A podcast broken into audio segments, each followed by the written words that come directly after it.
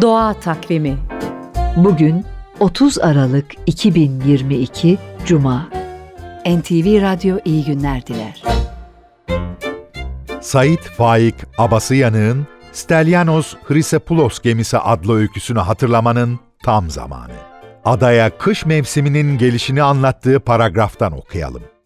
Kalpazanlar Kayası'nın üstünden lodos açtığı zaman adanın Poyraz tarafındaki evlerinde sessiz bir hayat başlardı. Göçler gitmiş olurdu. Banyolar sökülmüş, köşkler küskün ve hayatsız dururdu.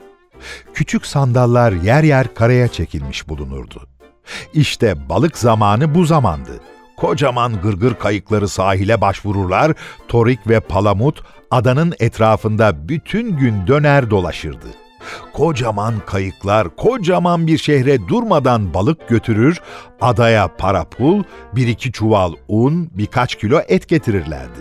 O sene kış ne kadar fazla olmuşsa balıkta o nispette az çıkardı.